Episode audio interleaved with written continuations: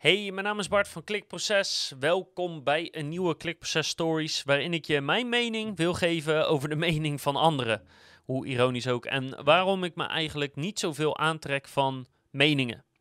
En ik snap dat dat een beetje gechargeerd is. En het is echt niet zo dat ik me nooit iets van niemand aantrek. Maar ik wil wel even mijn punt verduidelijken van waarom ik me van bijna geen enkele mening echt iets aantrek of er iets mee doe. Welkom bij Klikproces met informatie voor betere rankings, meer bezoekers en een hogere omzet. Elke werkdag praktisch advies voor meer organische groei via SEO, CRO, YouTube en Voice. Ik vind namelijk, en dit is een stuk duidelijker geworden in de tien jaar dat ik nu onderneem, dat heel veel mensen heel veel meningen hebben over heel veel dingen die vaak echt nergens op slaan, ongefundeerd zijn, puur vanuit een bepaalde emotie of gevoel komen en waar je dus gewoon niet zo heel veel mee kan, als ik heel eerlijk ben. Heel vaak als iemand echt ergens een mening over heeft, dan komt het bij mij over als of een soort random willekeurig van oké, je hebt toevallig ergens iets gelezen en daar ben je het nu mee eens. Of ja, ik snap dat je die mening hebt, want dat ligt volledig in je straatje. Dus het is bijna voor jou onmogelijk in je denkpatroon en je normen en waarden zo om een andere mening erop na te houden. Wat ik zelden tegenkom, is dat je een mening hoort van iemand die echt ergens een hoop van weet, ding heeft uitgezocht, uh, allebei de kanten belicht. Uh, dat soort meningen kom je gewoon niet zoveel tegen. En ik, ik verbaas me altijd over, want ik vraag me altijd af van... waarom heb je zo'n sterke mening over iets waar je overduidelijk niet echt heel veel van af weet? En zeg maar, wat kan jou het dan schelen over, over dat onderwerp? Als je er niet zoveel van af weet, vorm dan gewoon geen mening. Zeg gewoon, ik weet het niet. Moet je even aan iemand vragen die er meer van af weet. En waarom zou je over zulke dingen dan in discussie gaan met iemand anders die er waarschijnlijk of net zo weinig vanaf weet. Dus dan heb je twee mensen die er helemaal niks vanaf weten en die gaan dan met elkaar in discussie. Nou, dat heeft lekker zin. Of je gaat in discussie met iemand die er veel meer vanaf weet, maar dan zou ik zeggen, dan is de kans dat die persoon weet waar hij het over heeft een stuk groter. Dus luister dan gewoon naar de punten van die persoon. Dus dat is iets waar ik me gewoon over verbaas. En als je jong bent en, en iedereen die school volgt, die is doorgaans geneigd om de wereld te zien in de zin van ik moet iets doen ik moet iets uitvinden, ik moet iets oplossen. En er is een goed antwoord op. Er is één antwoord en dat is het goede antwoord. Want dat is wat school je in feite bijbrengt. Hè? Ik moet iets doen, iemand gaat het nakijken en die weet precies hoe het zit. En er is één antwoord op mijn vraag. Maar voor heel veel dingen is dat gewoon helemaal niet zo. Is alles, uh, heeft het niet een universele waarheid, maar zitten er gewoon voor- en nadelen aan. Aan de, aan de keuze of, of de manier van doen. Er zijn ook heel veel dingen waar gewoon geen antwoord op is. waarop zowel de ene kant als de andere kant volledig gelijk zou kunnen zijn en het allebei goed zou kunnen zijn. Sterker nog, naarmate je meer in, in uh, hoe zeg je dat, uncharted waters, dus in, in gebieden komt ja, waarbij je op het scherpst van de snede zit, waarop op het randje zit van wat op dit moment mogelijk is. Nou, als ergens zelfs de absolute experts in het veld het daar niet met elkaar eens zijn, dan, dan is het wel in, in bedrijfsleven of, of als het gaat over opvoeden, overal waar je komt, zijn doorgaans de, de experts op dat gebied het ook niet met elkaar eens. Dus als er zoveel mensen het niet met elkaar eens zijn, waarom zou je dan zo extreem veel waarde hechten aan je eigen mening als je er niks vanaf weet? Of aan de meningen van anderen als de grote experts het ook niet met elkaar eens kunnen worden. En daarom heb ik gekozen om eigenlijk drie dingen te doen met de meningen van anderen. Kijk, één, ik hecht gewoon waarde aan de mening van, van mijn naasten. Dus mijn vriendin, familie, vrienden, wat zij vinden, vind ik wel belangrijk, omdat ik die mensen voor mij belangrijk zijn. En dat betekent niet altijd dat je het met ze eens hoeft te zijn, maar dat betekent wel dat je gewoon je best doet om te begrijpen wat ze vinden, waarom ze dat vinden en, en hoe je daar iets mee kan of mee moet. De tweede is dat als je uh, je wil verdiepen in een bepaald onderwerp, um, lees gewoon eens een paar boeken en of, en of lees eens een, een diepte-interview met wat een expert of wat experts op dat vakgebied ervan zeggen. Want vaak is de dingen die soms heel logisch lijken of heel vanzelfsprekend lijken, dat is helemaal niet zo. En er zitten gewoon diepere dingen achter of mechanismen waarvan je niet weet hoe het werkt als je je er niet echt in verdiept. En hou er rekening mee dat wat mensen zeggen en wat mensen doen bijvoorbeeld heel vaak verschillend is. als je bezighoudt met conversieoptimalisatie of dat gaat doen, dan, is, dat, daar word je heel nederig van, van conversieoptimalisatie. Omdat je heel erg gaat beseffen dat je eigenlijk heel veel dingen niet weet.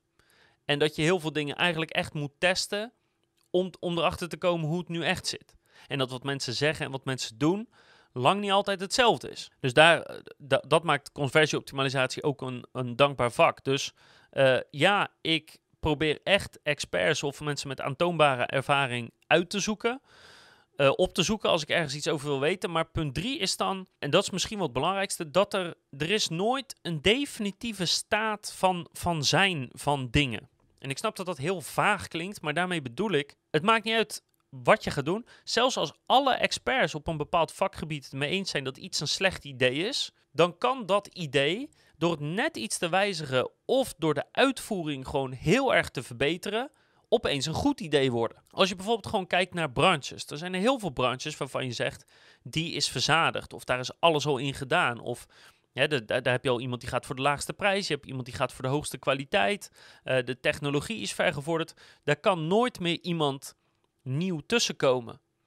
Totdat hij het doet. Totdat hij het doet door net ietsjes beter te zijn in de uitvoering, de strategie net iets slimmer te pakken. En dan opeens blijkt dat er toch nog best wel uh, ruimte zit in die markt. Uh, als het gaat om uh, wat je wel of niet kan doen met je leven, of wat wel of niet haalbaar is. Ja, er zijn heel veel mensen die, die je uitleggen dat bepaalde dingen wel of niet haalbaar zijn. Maar mijn ervaring is dat die mensen het zelf ook allemaal niet zo definitief weten. En dat er altijd ruimte is voor om de uitzondering te zijn. Of om het beter te doen. Of om het slimmer te doen. Of sneller te doen. En dat probeer ik gewoon continu toe te passen. Minder te rekenen op de meningen en meer gewoon zelf na te denken van, is dat wel echt zo? Neem bijvoorbeeld SEO. Er zijn gewoon bepaalde fundamentele aspecten van SEO. Maar daarin proberen we bij Klikproces gewoon continu om onszelf uit te dagen. We hebben bijvoorbeeld bij linkbuilding de fundamentele gedachte: je moet vanuit zoveel mogelijk websites één link verzamelen en dan groei je het snelste in Google. En hoewel er wel bepaalde studies zijn die een correlatie uitwijzen, zat ik pas met de gedachte met, samen met ons team van ja, maar is dat wel zo? Hebben mensen dat wel eens echt getest? klopt dat wel? En we zijn gaan kijken en er is gewoon, gewoon amper onderzoek over te vinden. Er zijn wat correlatiestudies, maar ja, correlatie is niet oorzaak en gevolg. Dus eigenlijk, als je er echt, echt eerlijk over bent, is er gewoon bijna, bijna niet echt bewijs voor dat het zo is. Dus wat doen we dan? Nou, dat is interessant. Dan gaan we een test draaien. Dus dat zijn we nu aan het doen. Wat gebeurt er nou als je meerdere linken krijgt vanuit hetzelfde domein? Zorgt dat dan ook voor, voor hogere scores in Google of niet?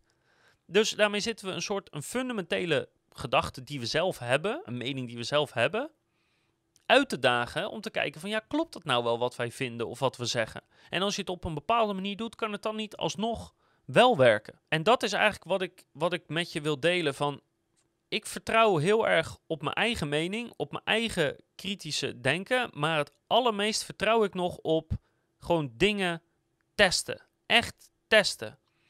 En natuurlijk, als, als alle experts zeggen dat iets waarschijnlijk niet gaat werken, dan stel ik mijn verwachtingen behoorlijk bij. En dan zou ik zeggen, nou, als tien, de tien top-experts zeggen dit gaat niet werken, dan kan ik het nog steeds testen. Zo eigenwijs ben ik dan wel.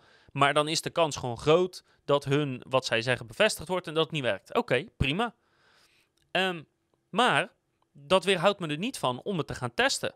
En niet één keer, maar misschien wel tien keer. Of misschien wel honderd keer. Of misschien wel een paar jaar lang omdat ik van mening ben dat de meeste meningen helemaal niet zo goed gefundeerd zijn of niet zo definitief zijn als je misschien denkt. En dat er, wat ik zeg, dat er gewoon altijd ruimte is voor een verbetering, voor een kleine aanpassing, voor dingen net iets anders doen en dat het dan toch opeens wel werkt.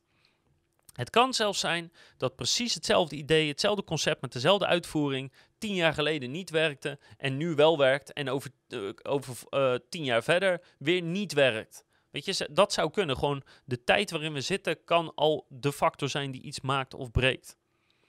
Dus dat is eigenlijk iets wat ik met je wilde delen en waar ik gewoon veel over nadenken ben van ja, op wat voor informatie baseer ik nu precies mijn leven en mijn bedrijf en de beslissingen die ik neem en doe ik dat wel slim of niet?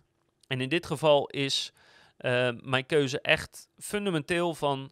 Volgens mij moet ik in mijn leven meer dingen zelf testen, proberen en daar een bepaalde verwachting aan hangen, afhankelijk van wat de markt zegt of de, de, de experts zeggen. Of, ehm, en, en minder uh, zomaar wat zeggen en zomaar wat van vinden. En in het allerslechtste geval word je gewoon bevestigd in wat je al dacht of denkt of doet. En in het alle misschien wel leukste of mooiste geval kom je opeens tot een heel nieuw inzicht en dan groei je als persoon en als bedrijf. En wat is er nou mooier dan dat? Dus dat is de reden dat ik me steeds minder en minder aantrek van meningen en steeds uh, meer baseer op uh, we gaan het zelf wel eens uitzoeken. En ik ben benieuwd. Ik hoop dat je de volgende keer weer kijkt naar de volgende klikproces stories met verhalen over klikproces of wat er in mijn hoofd omgaat als ondernemer zijnde. Uh, en natuurlijk onze andere video's en podcasts over SEO, CRO, YouTube en Voice.